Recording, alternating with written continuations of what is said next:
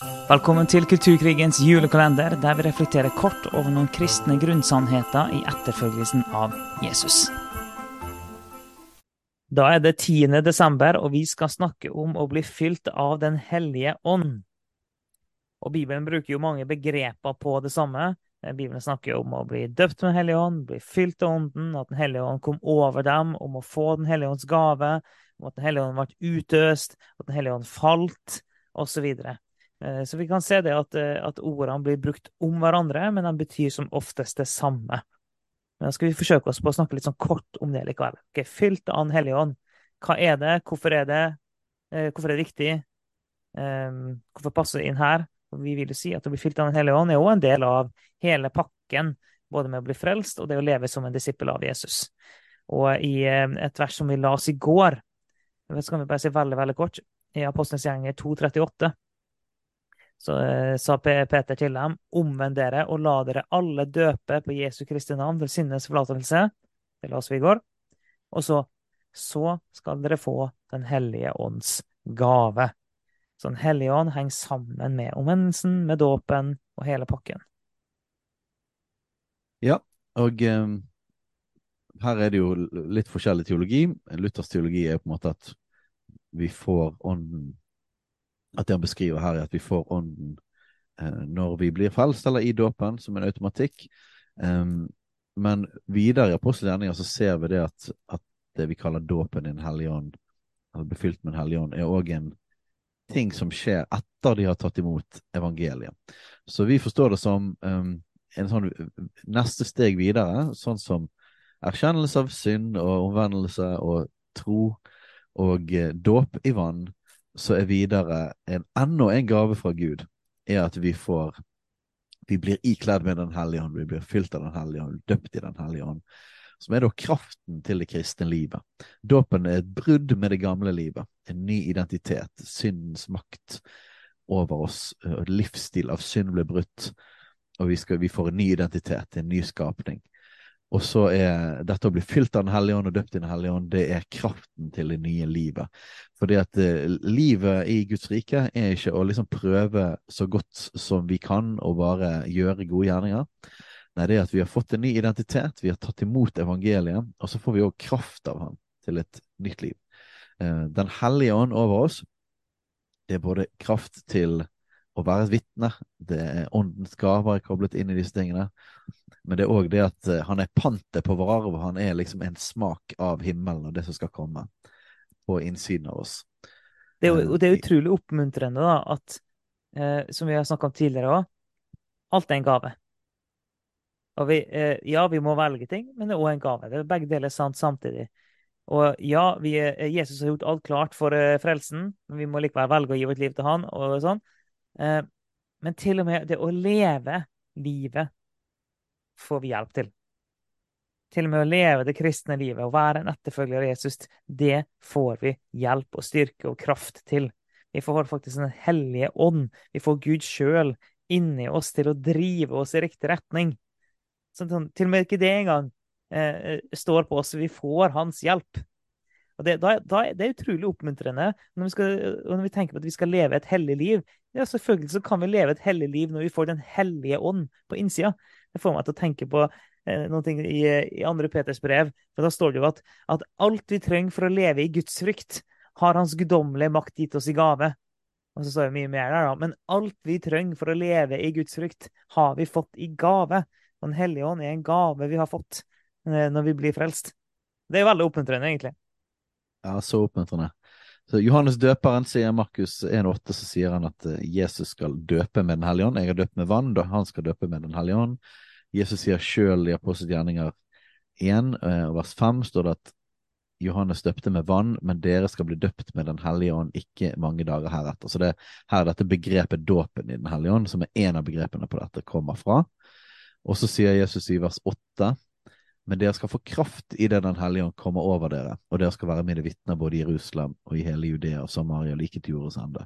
Så, så, det var noe som skjedde av en kraft som kom over dem, som gjorde at de gikk fra å være redde og som gjemte seg, og en Peter som, som, som sviktet, til plutselig at Peter sto fram foran alle disse tusenvis av menneskene og frimodig forkynte evangeliet. Så Den hellige ånd er kraft til å være et vitne, kraft til å følge Jesus. Og så er det jo selvfølgelig pinsedag. så I, i apostelgjerninga 2 så står det at vi var samlet på pinsedag, og det kom en lyd fra himmelen, og, og det fylte huset, og det kom tunger av ild over dem, og de ble alle fylt med Den hellige ånd, og de begynte å tale i tunger. Eh, og så beskriver Peter dette videre om, om en profeti fra Joel, at, at, Gud vil utøse sin ånd over alt kjød. og profetiske drømmer og syner av masse forskjellige ting. Så, og, og, vi tror det at dette er en ting som er tett koblet til frelsen, men at, men at det er noe som blir beskrevet gjennom apostlenes gjerninger. Som at når de har tatt imot evangeliet, når de har tror, venner om de har blitt døpt, så blir de lagt hendene på. Det ser vi flere beskrivelser på. Der de opplever det samme som det disse folkene, de 120, opplevde på pinsedag. Og at det er praksisen videre. Vi kan bl.a. se i Apostelgjerninga 8, vers 14-19. Da er det vekkelse i, i Samaria. Philip har forsynt evangeliet. Og, eh, og, når han har gjort tegn og under og kastet ut under ånder, helbredet syke og forsynt Kristus, så tok de imot. De hørte på, og de tok imot evangeliet, og de lot seg døpe. Og så står det i, i kapittel 8 vers 14-19. Men da apostlene som var i Jerusalem, hørte at Samaria hadde tatt imot Guds ord, sendte de Peter og Johannes til dem. De kom dit ned og ba for dem at de måtte få Den hellige ånd, for ånden var ennå ikke falt på noen av dem. De var bare døpt til Herren Jesu navn. Nå la de hendene på dem, og de fikk Den hellige ånd. Men da Simon så at ånden ville blitt ved apostlenes håndspåleggelse, kom han til dem med penger og sa, gi oss med denne makt, at jeg legger mine hender på om å få Den hellige ånd. Eh, vi ser òg i, i i Apostelgjerninga 19 at, at, Paulus møtte en gjeng med folk som ble døpt, og så ble de lagt hendene på, og så kom Den hellige ånd over dem på samme måten, og vi ser flere eksempler på dette. Så praksisen av at etter man er døpt, så blir man lagt hendene på, og så kom Den hellige ånd på en måte som, som faktisk var synlig og hørbar og merkbar. I Cornelius hus, i kapittel eh, ti eh, også, kunne de merke at, de var, at Den hellige ånd kom over dem gjennom at de talte i tunger og lovpriste Gud.